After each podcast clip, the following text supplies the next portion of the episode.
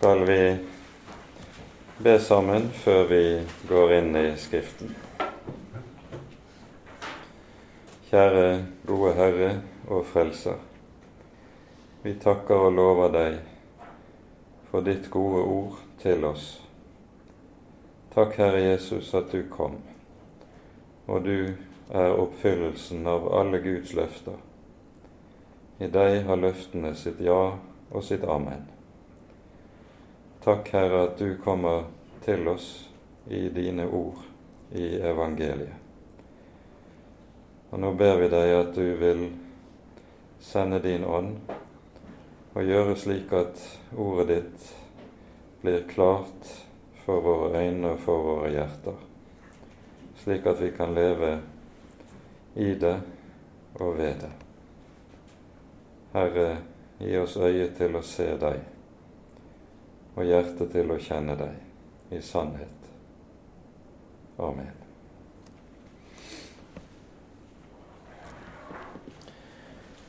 Vi begynner da med at vi leser kapittel 55 i sammenheng. Det er et relativt kort kapittel, bare 13 vers, men det er et uhyre innholdsrikt kapittel. Nå vel, alle dere som tørster, kom til vannene, og dere som ingen penger har, kom, kjøp og et. Ja, kom, kjøp uten penger og uten betaling vin og melk. Hvorfor veier dere ut penger for det som ikke er brød, og deres fortjeneste for det som ikke kan mette? Hør på meg, så skal dere ete det gode, og deres sjel glede seg over de fete retter. Vend øret hit og kom til meg, hør så skal deres sjel leve. Og jeg vil opprette en evig pakt med dere og gi dere Davids rike nåde, den visse. Se, til et vitne for folkeslag har jeg satt ham, til en fyrste og en hersker over folkeslag. Se, folk du ikke kjenner, skal du kalle Hedningefolk som ikke kjenner deg, skal løpe til deg for Herrens din Guds skyld og for Israels helliges skyld. For Han herliggjør deg. Søk Herren mens Han er å finne. Kall på Ham den stund Han er nær. Den ugudelige må forlate sin vei og den urettferdige sine tanker, og omvende seg til Herren, så skal Han forbarme seg over ham og til vår Gud, for Han vil gjerne forlate alt. For mine tanker er ikke deres tanker, og deres veier er ikke mine veier, sier Herren. For som himmelen er høyere enn jorden, slik er mine veier høyere enn deres veier, og mine tanker høyere enn deres tanker. Ja, like som regnet og snøen faller ned fra himmelen og ikke vender tilbake dit, men vanner jorden og får den til å bære og til å gro, så den gir såkorn til såmannen og brød til den som eter. Slik skal mitt ord være, det som går ut av min munn, det skal ikke vende tomt tilbake til meg, men det skal gjøre det jeg vil, og ha fremgang med alt det jeg sender det til. For med glede skal dere dra ut, og i fred skal dere føres frem. Fjellene og haugene skal bryte ut i fryderop for deres ansikt og alle markens trær skal klappe i hendene. I stedet for tårnebusker skal det vokse opp sypresser. I stedet for nesler skal det vokse opp myrter. Det skal være til et navn for Herren, til et evig tegn som ikke skal bli utslettet. Amen.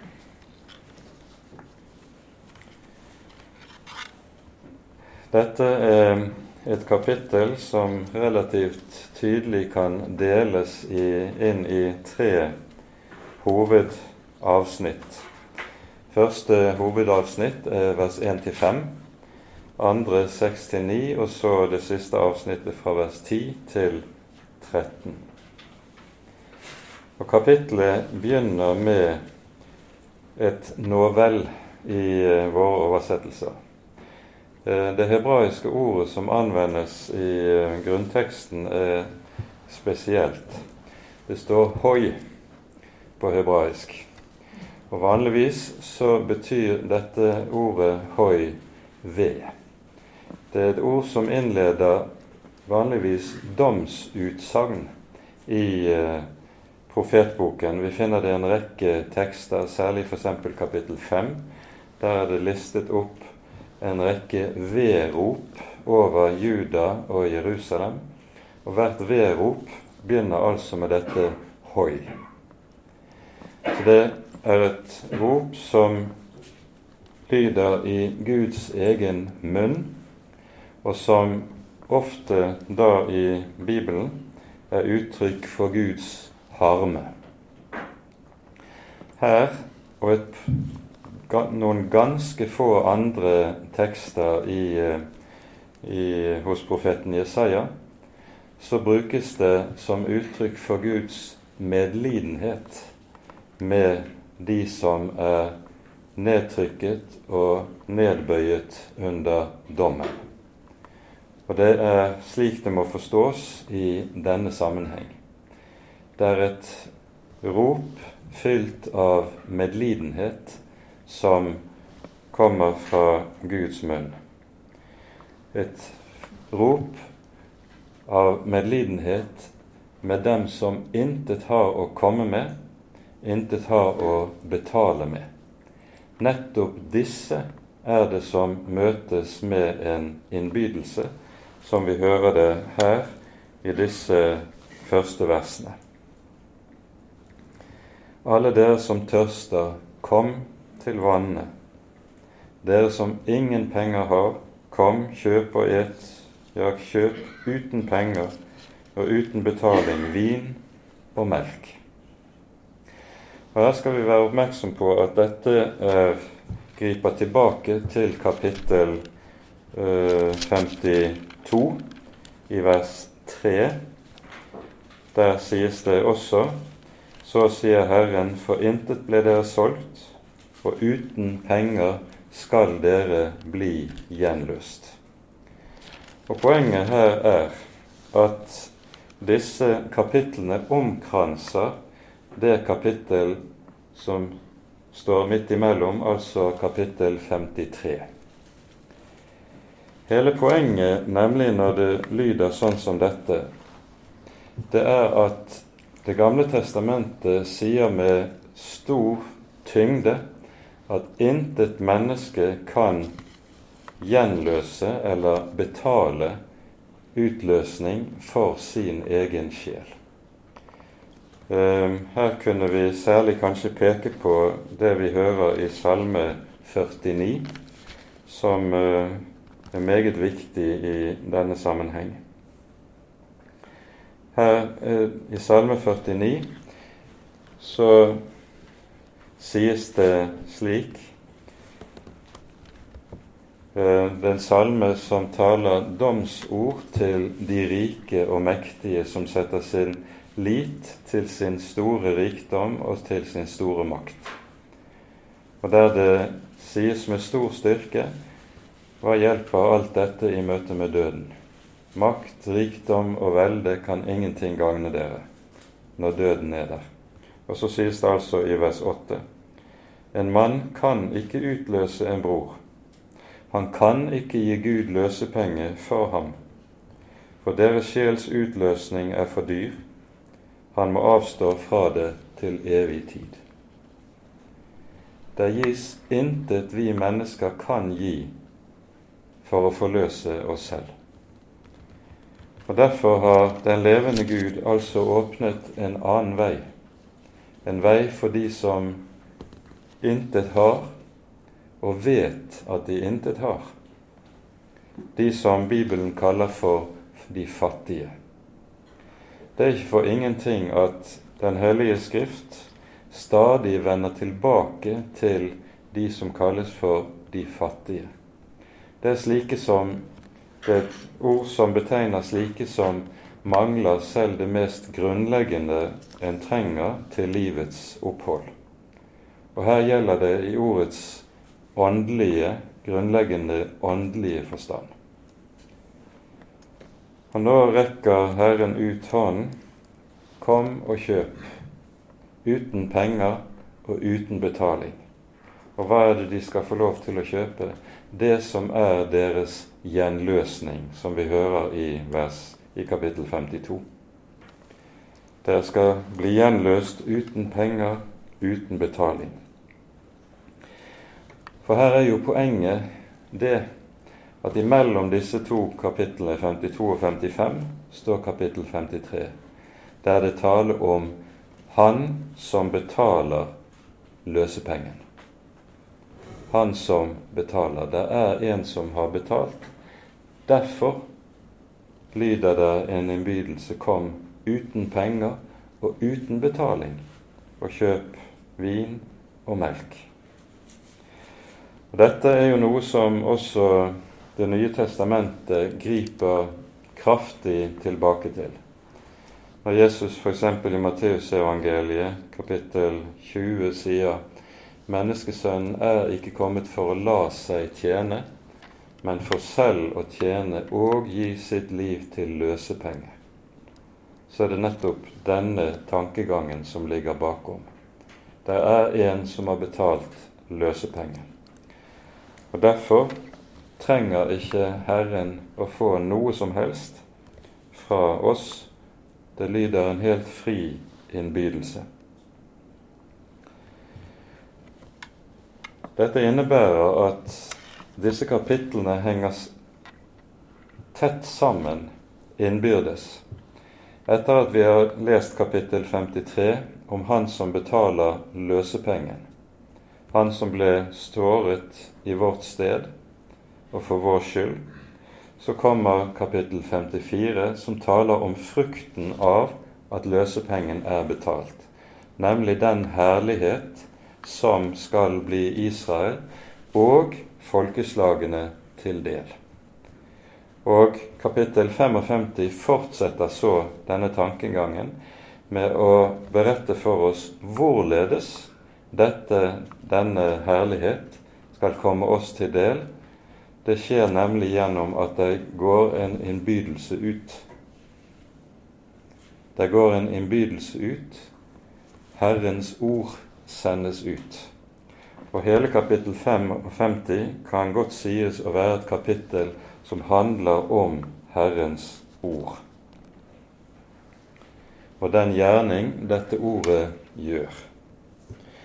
Innbydelsen vi her hører i vers 1,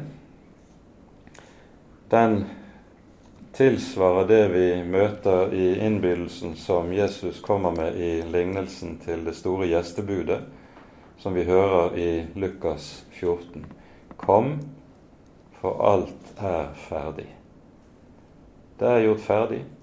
Det er ingenting du behøver å komme med for din egen del som bidrag. I bønnen under dette ligger også noe som sies i apostelgjerningene 17, i Paulus tale på Areopagos.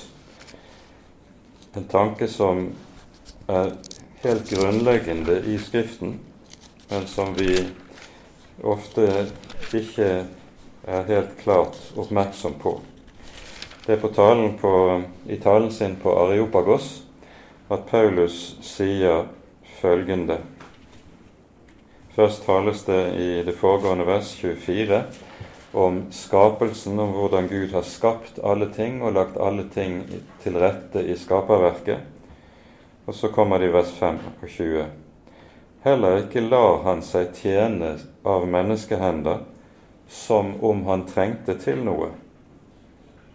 For det er han selv som gir alle liv og ånde og alle ting. Han lar seg ikke tjene som om han trengte til noe. Gud er selv kilden til alle ting. Han trenger ingenting. Det som du av og til får høre i litt for overivrige taler som vil oppfordre folk til aktivitet i Guds rike, om at Gud har gjort seg avhengig av oss, det er det rene tøv. Gud er ikke avhengig av noe som helst, aller minst av vår innsats. Og Dette er noe som er grunnleggende i Skriften. Der Gud blir avhengig av oss, der er det blitt en Gud i menneskets bilde. Han er ikke lenger den Gud som Bibelen tegner for oss. Så kommer spørsmålet i vers 2. Hvorfor veier dere ut penger for det som ikke er brød, og deres fortjeneste for det som ikke kan mette? Dette er all menneskelig religiøsitets fortegn. All menneskelig religiøsitet er kjennetegnet av at mennesket gjerne vil gi noe, yte noe, gjøre noe for å få noe tilbake fra Gud eller fra guddommen, hvilken guddom man enn måtte ha med å gjøre. Alle verdens religioner overhodet utenom den kristne tro bygger på denne tenkning at mennesket må yte for å få noe. Hva disse ytelsene består av, og hva de gode gjerningene består av, det vil variere fra religion til religion og fra retning til retning. Men felles er det for alle du skal yte. Og her sies det altså hvorfor veier dere ut penger for det som ikke er brød? Selv om mennesket yter aldri så mye, så får det ikke det det ønsker. Selv om mennesker gjør aldri så mange gode gjerninger, så når de ikke det evige liv. For det kan ikke nås gjennom vår betaling. Det kan bare nås på én måte, ved at du får og tar imot denne innbydelse for intet.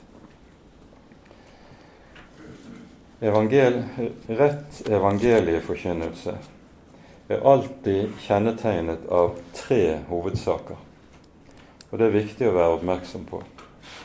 For det første vil rett evangelieforkynnelse det vil alltid holde frem syndenes forlatelse.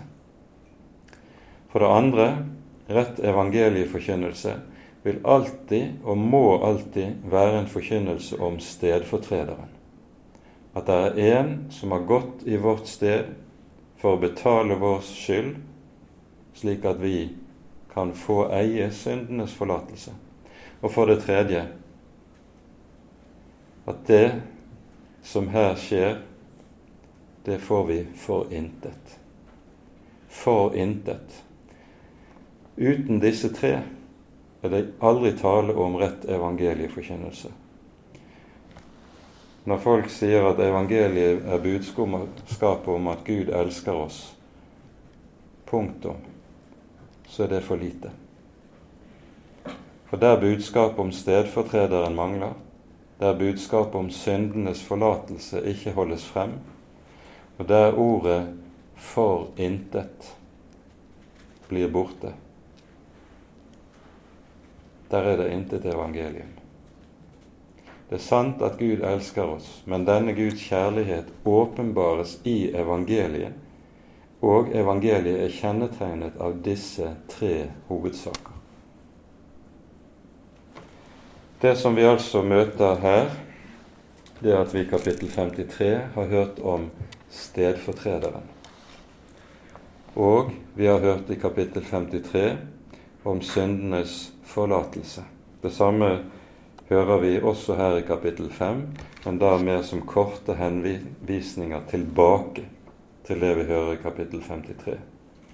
Mens kapittel 55 altså innledes med budskapet om at dette skjenkes oss for intet. Uten penger og uten betaling. Hvorfor veier dere ut deres fortjeneste for det som ikke kan mette?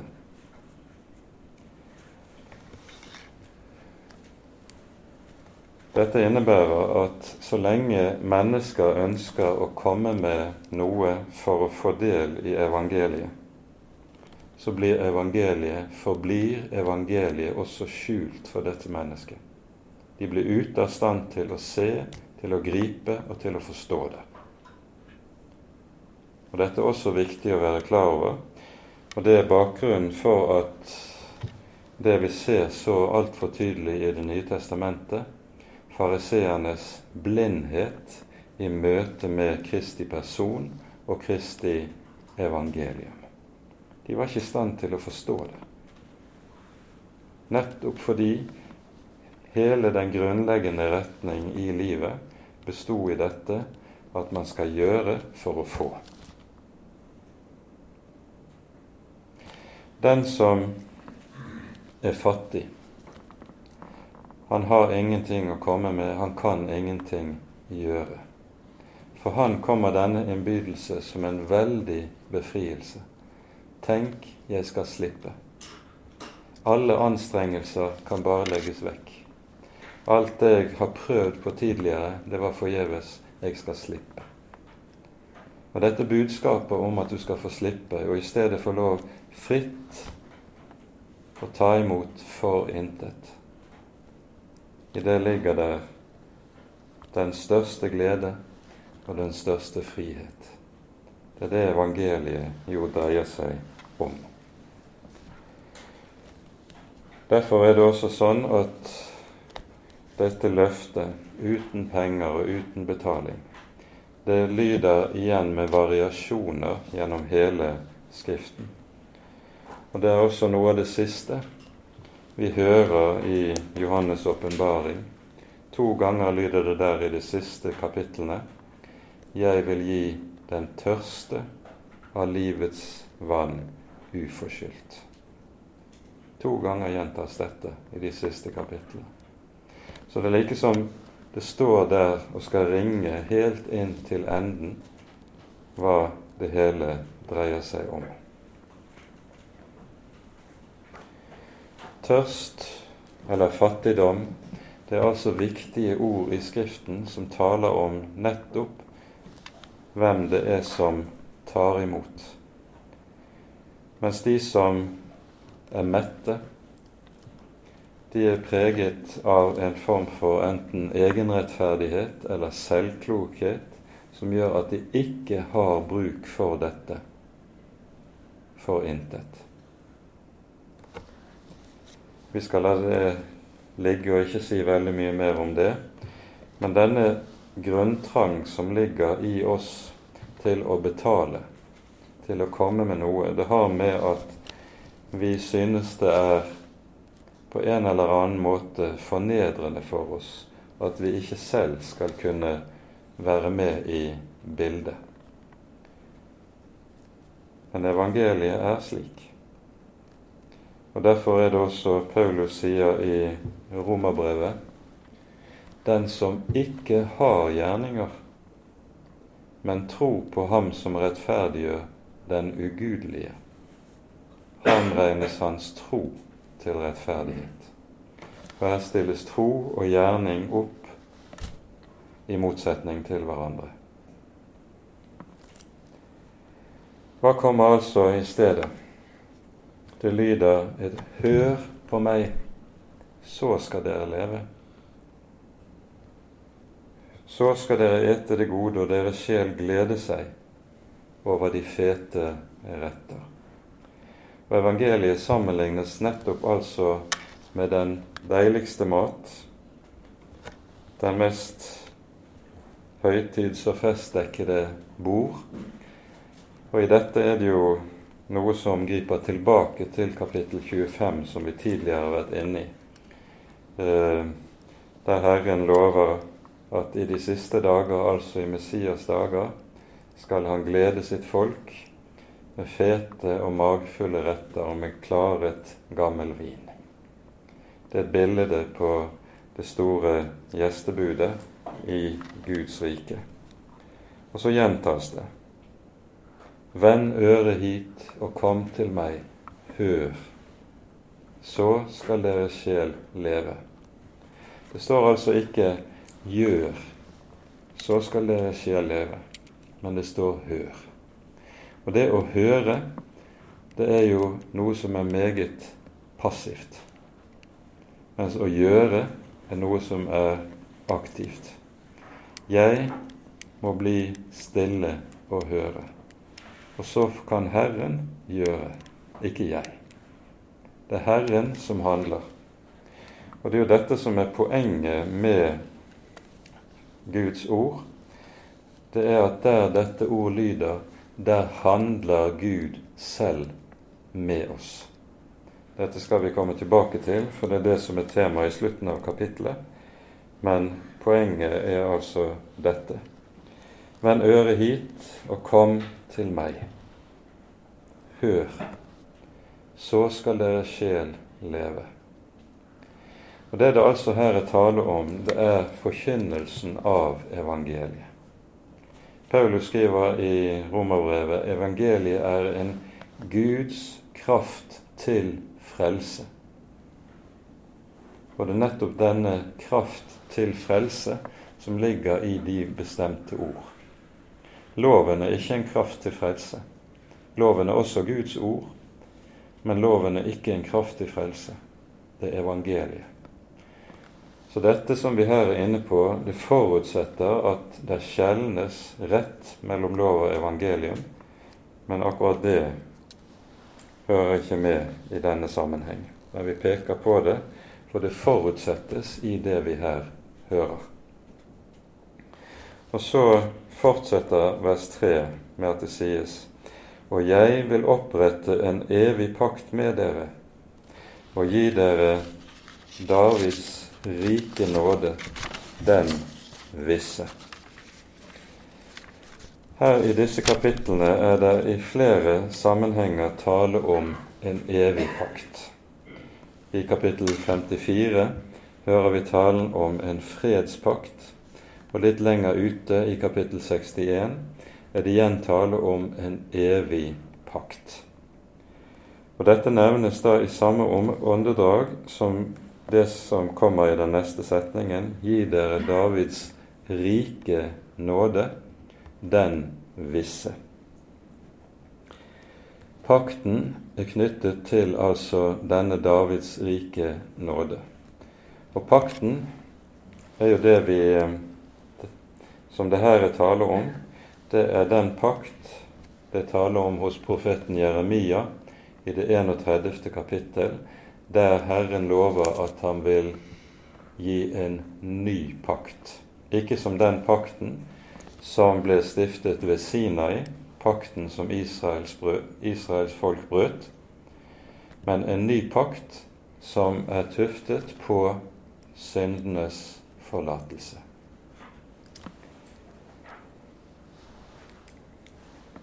Her skal vi legge merke til et par saker. For det første sies det 'jeg vil opprette'. Grunntekstens uttrykk betyr bokstavelig oversatt 'jeg vil skjære en evig pakt med dere'. Eh, og Poenget i dette er at dette er noe som Gud gjør. Her er det ikke sånn at det er to jevnbyrdige parter som inngår en pakt, en avtale. En pakt er jo en bindende avtale mellom to parter. Men her er det sånn at Gud ensidig oppretter en pakt, og i denne pakten binder han selv Han binder seg selv til å overholde bestemte løfter. Det er altså det vi kan kalle for en ensidig pakt.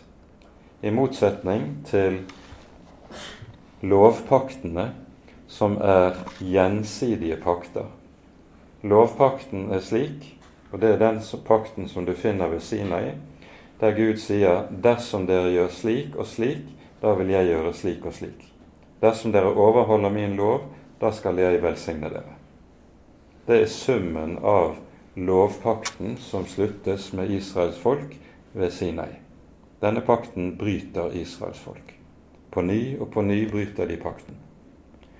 Og Derfor lover Herren å inngå en ny pakt, som er en ensidig pakt, og forbildet på denne ensidige pakten har vi i pakten med Abraham. Og der alle forpliktelsene i paktsforholdet ligger på den ene part, nemlig på Gud selv. Han vil gjøre alt som ligger i pakten, og så er det for folket å ta imot dette i tro. Dette er altså knyttet til det som sies 'Jeg vil gi dere Davids rike nåde, den visse'. Og Dette er et uttrykk som forutsetter at man kjenner en rekke andre sammenhenger i Det gamle testamentet. For det første henger det sammen med Salme 89, som er en salme som handler om den pakt Gud inngikk med David som en evig pakt der han lover den fullkomne frelse. Vi skal se på den om litt, men uttrykket her går først og fremst tilbake til to andre tekster i 2. Samuels bok. Den første teksten er i 2. Samuel 7, der Herren gjennom eh, profeten Natan lover David at i hans hus skal det en dag fødes en sønn. Denne sønn skal være Guds sønn, og han skal bygge et evig hus for Herren. Og så i 2. Samuel kapittel 23 hører vi hvordan David forstår denne Natans profeti og dette løftet gjennom profeten Natan. Det er Davids siste ord du finner i, i 2. Samuel 23, og vi kan godt kalle det det for Davids åndelige testamente. Vi leser de fem første versene i 2. Samuel 23. Dette er Davids siste ord. Så sier David, Isais sønn, så sier mannen som høyt var satt, Jakobs Gud salvede og Israels livlige sanger. Herrens ånd taler gjennom meg, og Hans ord er på min tunge. Israels Gud har talt, til meg har Israels klippe sagt. Der skal være en hersker over menneskene, en rettferdig, en hersker i Guds frykt. Han skal være lik morgenens lys når solen går opp, en morgen uten skyer når gresset spirer frem av jorden, ved solskinn og ved regn. For har ikke mitt hus det slik med Gud? En evig pakt har Han jo gjort med meg, ordnet i alle deler og trygget. All min frelse og alt hva godt er, skulle ikke Han la det spire frem. Her i det siste verset vi har lest, vers 5, hører vi om den evige pakt. Og Denne pakten innebærer at all frelse og alt hva godt er i Guds øyne, skal Herren sørge for. Det er Davids rike nåde, som det taler om i Jesaja 55. David ser altså frem til Han som en dag skal fødes, som skal være lik morgenens lys når solen går opp. Og disse versene er det Jesaja til, ser tilbake til og anvender i en rekke sammenhenger i sin bok. Hvis vi skal oversette bokstavelig ordene i Jesaja 55,3, Davids rike nåde, så uttrykket som er oversatt med 'rik nåde', det er egentlig ett enkelt ord, nåde, i flertall nåder. Davids nåder.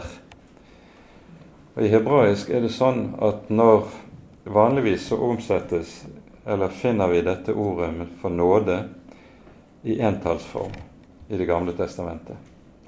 Men noen par steder finner du det altså i flertallsform. Og når du finner det i flertallsform, så er det alltid for å uttrykke en fylde. En fylde av rikdom som så å si er ubegrenset. Eh, vi finner flere slike begreper som alltid opptrer som flertallsord i Det gamle testamentet. Du har f.eks. ordet for himmel. Det er et flertallsord på hebraisk. Hvorfor? Fordi det er noe som er ubegrenset. Du kan ikke sette grenser for himmelen. Det samme gjelder for ordet for havet.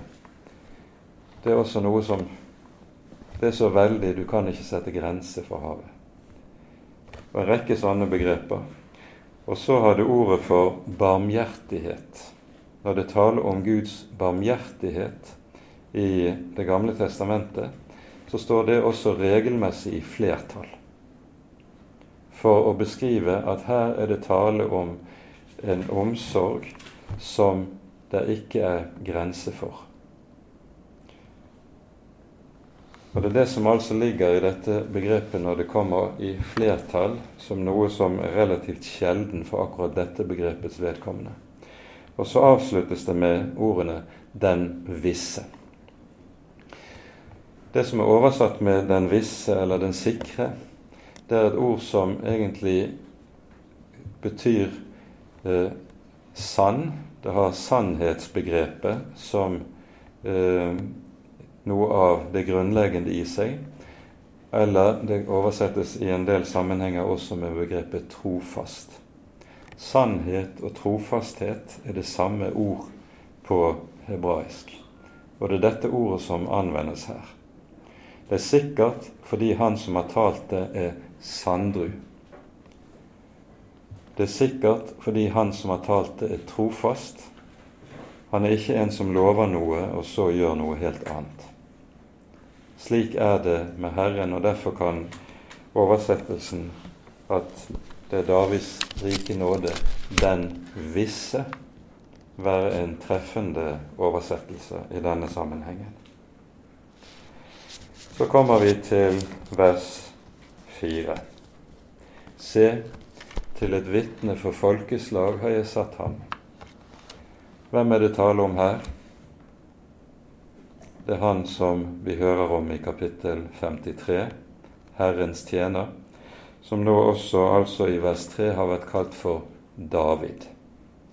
Flere ganger i Det gamle testamentet kalles den kommende Messias for David. Han er så å si den annen David. Og det er fordi det er på grunn av Natans profeti. Ehm, vi kan peke på ordene i eh, f.eks.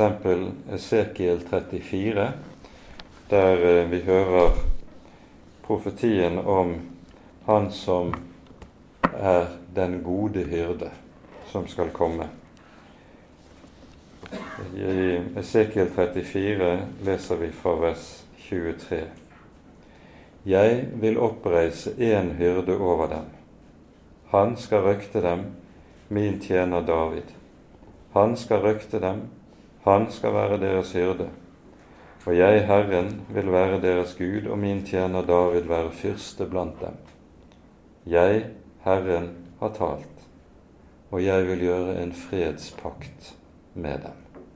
Også her dukker begrepet pakt opp sammen med Davids løfte. Flere andre tekster i, i Det gamle testamentet hører vi også om hvorledes Davids eh, er navn på den kommende Messias. Vi har ikke tid til å gå inn på det. Men jeg nevnte altså at Salme 89 er meget viktig når det gjelder det vi er inne på her. Og vi skal se på et par saker i Salme 89. Og Denne salmen eh, hviler i og videre utvikler innholdet i, Nata, i Davids siste ord.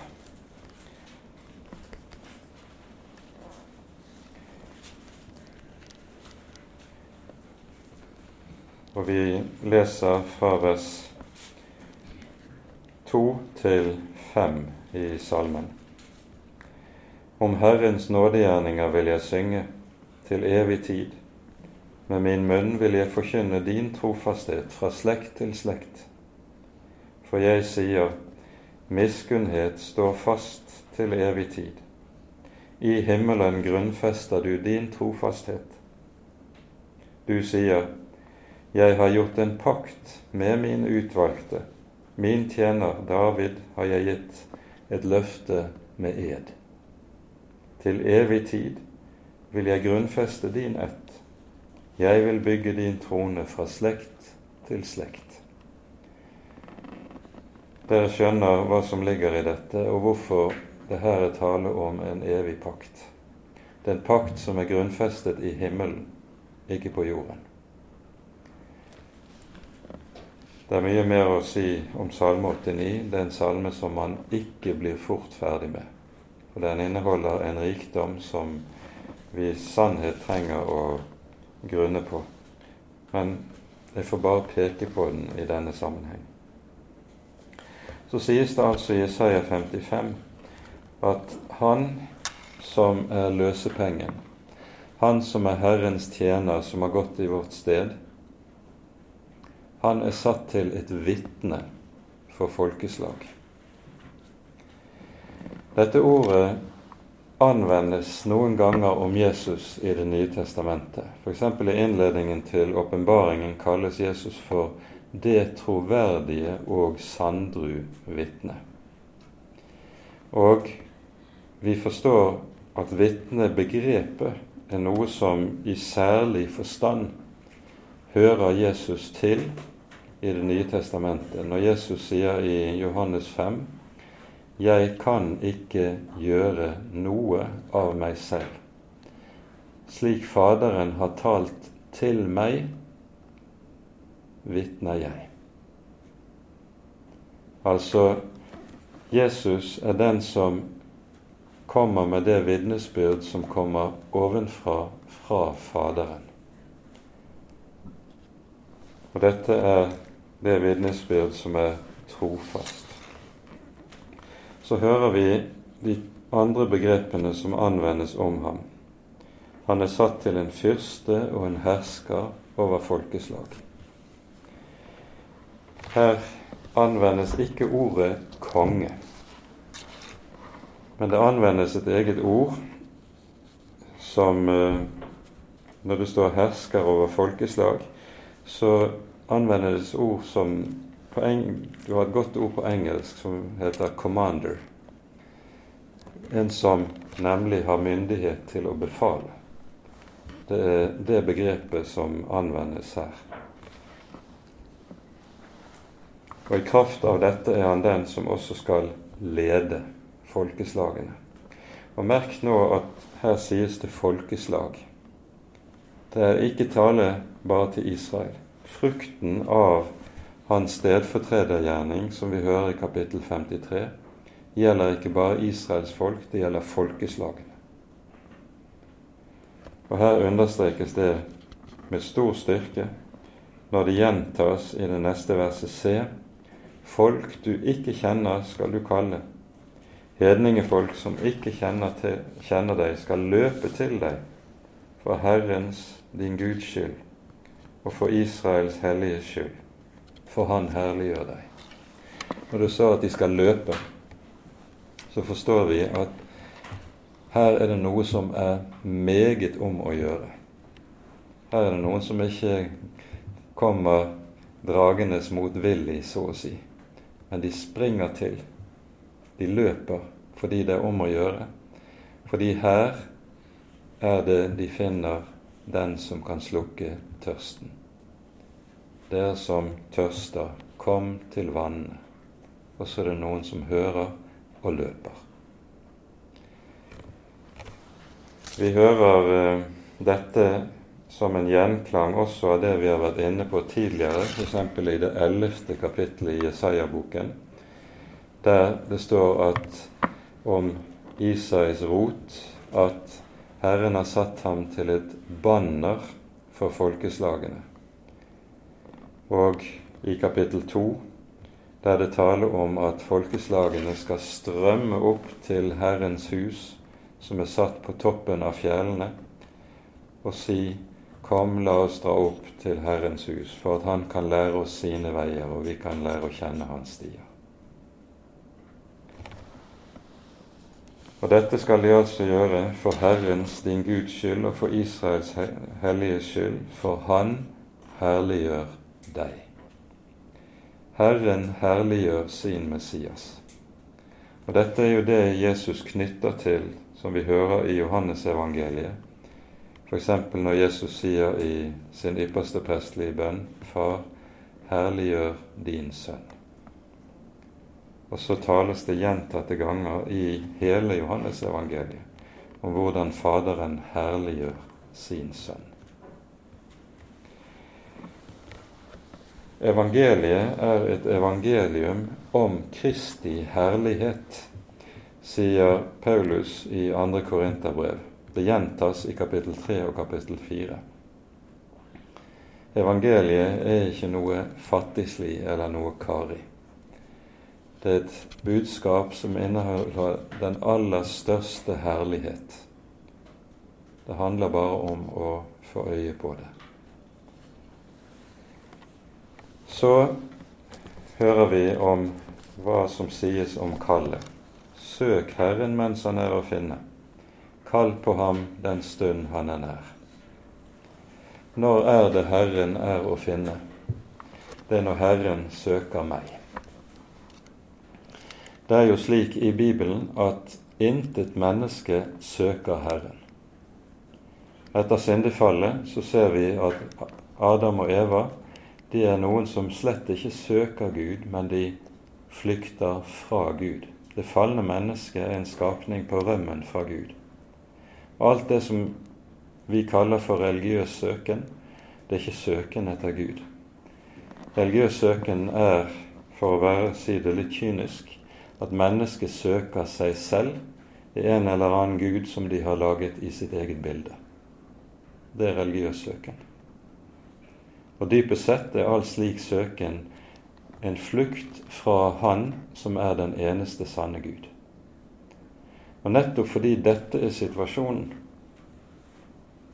er det at Bibelen snur alt på hodet og sier det er Gud som søker oss. Han søker deg, han søker meg, når hans kall lyder 'Kom'. Han oppsøker for å finne. Og da, når et menneske hører dette kall, da er Herren å finne. Og da først er det et menneskes søken blir rett og blir virkelig søken. Søk Herren mens han er å finne. Kall på ham den stund han er nær. Kallet har vi hørt om i det foregående. Den ugudelige må forlate sin vei og den urettferdige sine tanker og omvende seg til Herren. Her brukes to egne ord for uh, ugudelighet. Det som er oversatt med 'den ugudelige', det betyr egentlig 'den som har gjort opprør'. Det er en betegnelse på det falne mennesket i Skriften. Mennesket er en skapning som har gjort opprør mot sin skaper. Og så det som er oversatt med 'den urettferdige'. Eh, en egen konstruksjon i grunnteksten som betyr et menneske som er kjennetegnet av én ting, nemlig av sin synd. Synden er så å si kjennetegnet på menneskets vesen. Det er det som ligger i grunntekstens uttrykk. Og så sies det om, eller til, dette mennesket at skal forlate sin vei og sine tanker. Og I dette møter vi noe som er uhyre avgjørende all sann omvendelse det er ikke bare en omvendelse som gjelder livet. Man skal forlate syndige, sine syndige veier, handlinger og gjerninger.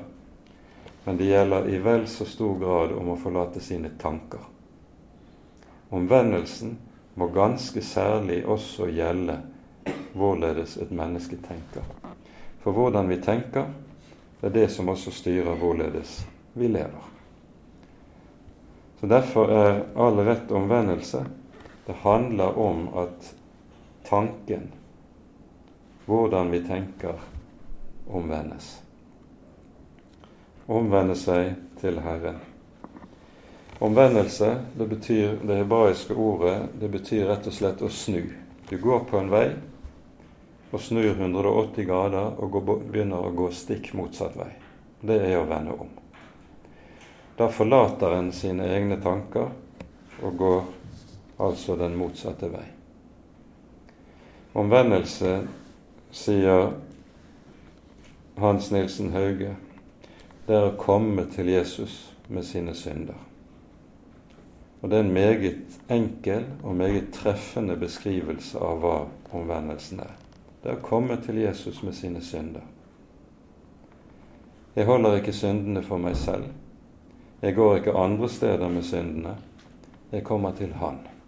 Han som kan utslette dem. Han som har bøtet for dem. Jeg kommer til Han med det.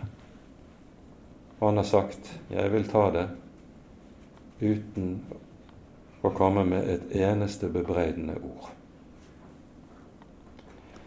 Og Derfor står det så skal han forbarme seg over ham. Og til vår Gud, for han vil gjerne forlate. Her er det igjen anvendt uttrykk i grunnteksten som er uhyre sterke og ikke så helt lette å oversette. Eh, I den gamle oversettelsen så sto det 'Han vil mangfoldig forlate'. Og det er mer korrekt når det gjelder grunntekstens ordlyd.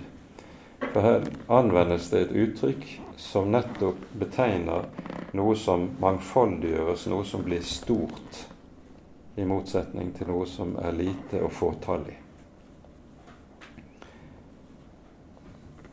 Og derfor er syndenes forlatelse noe som i Skriften er noe usigelig stort. Som himmelen er høyere enn jorden, er Herrens barmhjertighet mot dem som frykter ham. Så langt som øst er fra vest, la Han våre misgjerninger være langt fra oss, leser vi i Salme 103. Og øst og vest, de skal aldri møtes. Og nettopp slik er det syndenes forlatelse er inn i et kristent menneskes liv. Så kommer det ordene For mine tanker er ikke deres tanker, og deres veier er ikke mine veier, sier Herren. Som himmelen er høyere enn jorden, slik er mine veier høyere enn deres veier, og mine tanker høyere enn deres tanker. Og Her kunne vi føye til et ord for å understreke det, og det gjelder alltid. Herrens veier, Herrens tanker er alltid høyere enn våre veier og våre tanker. Det er ikke bare av og til. Og Når det brukes et sånt uttrykk, så understreker det også at det er ikke bare en gradsforskjell på Guds tanker og våre tanker. Det er en kvalitetsforskjell. Guds tanker og veier er kvalitativt annerledes. Og Derfor er dette noe av det som er det vanskeligste for oss i vandringen som kristne. Det er å lære å kjenne Guds tanker. For om igjen og om igjen er det sånn at vi tenker i det kristne liv og i det kristne arbeid og i den kristne tjeneste, så tenker vi på rent menneskelig vis. Men å lære Guds tanker å kjenne, det tar tid, og det er den grunnleggende side ved den kristne modning. Når vi skal se på oss selv, så er ordene i Salme 50, vers 21, noe som kjennetegner oss. Der sier Herren til Israels folk, du tenkte jeg var som du. Altså, vi har det med å tenke at Gud er sånn som oss. Han er bare litt større utgave. Litt mer mektig og kraftfull enn oss, men dog, det er ikke så veldig forskjell. Jo, det er det. Vi har en veldig trang til å tegne Gud i vårt eget bilde og tenke at Han er som oss. så har vi en rekke tekster i vår bibel som lærer oss noe ganske annet. Kanskje en av de viktigste tekstene i så måte er 1. Korinterbrev kapittel 1, der Paulus understreker dette at Guds korset, og dermed Guds frelsesvei, det er en dårskap. Det er en dårskap for hedninger og et anstøt for jøder. Selve sentrum i troen, om det gjelder nettopp dette. Men det gjelder også på så å si ethvert annet område også. Så det tar lang tid og øvelse i at Herren får lov til å forme våre tanker og lære oss å kjenne sine tanker.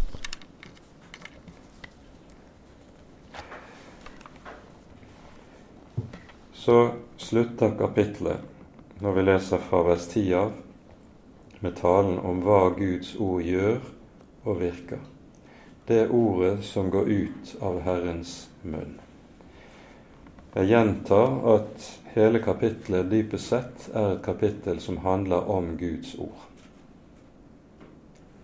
Og ganske særlig var det Guds ord som heter evangeliet. Hva som er dets kjennetegn, hva som er dets gjerning. Og det er det vi møter her i slutten av kapitlet. Like som regn og snøen faller ned fra himmelen og ikke vender tilbake dit, men vanner jorden og får den til å bære og gro, så den er såkorn til sommeren og brød til den som eter. Slik skal mitt ord være, det som går ut av min munn. Det skal ikke vende tomt tilbake til meg, men gjøre det jeg vil, og ha fremgang med alt jeg sender det til. Det ordet som er oversatt med 'fremgang', det betyr egentlig å lykkes i alt det jeg sender det til. Det er en litt annen nyanse som ligger i det. Poenget her er at Guds ord er ikke bare et ord. Det er et ord som er virkekraftig. Når Gud vil ha noe gjort, så taler han. Det er med sine ord Gud agerer. Det er med sine ord Gud handler. Og Det innebærer at all kristen tro, alt kristent liv og arbeid hviler på at vi tror på ordets egen virkekraft. Det er ikke du og jeg som skal gjøre arbeidet i Guds rike. Det er ordet, Guds ord i evangeliet, som skal utføre Guds gjerning.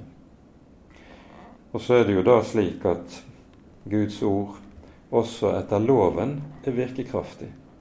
Men loven og evangeliet de utfører to helt ulike gjerninger iblant oss.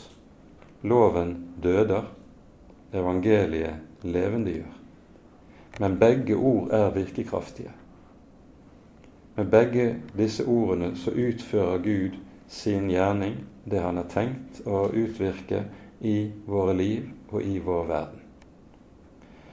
Og Derfor er det altså slik at det vi hører i skapelsesberetningen, at Gud, når Han skaper alt, så gjør Han det ved sine ord. Han talte, og det skjedde. Han bød, og det sto der. Det trekkes parallell til dette i Det nye testamentet, og her peker vi på 2. Korinterbrev kapittel 4. Her sier Paulus i det sjette verset om evangeliet.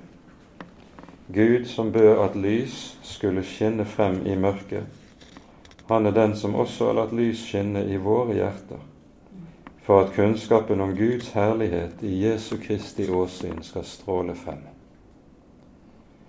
Altså, Paulus sier så å si at evangeliet er et Guds bli lys inn i våre liv og inn i våre hjerter.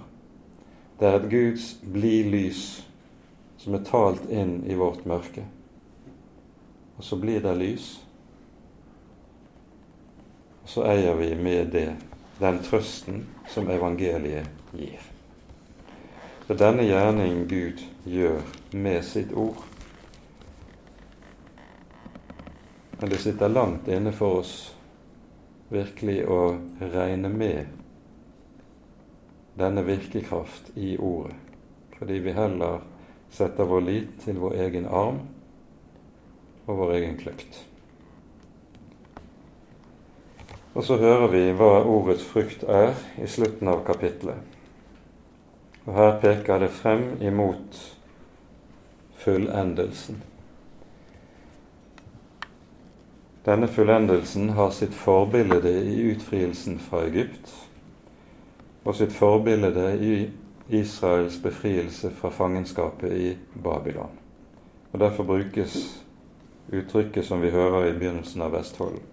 Med glede skal dere dra ut, og i fred skal dere føres frem.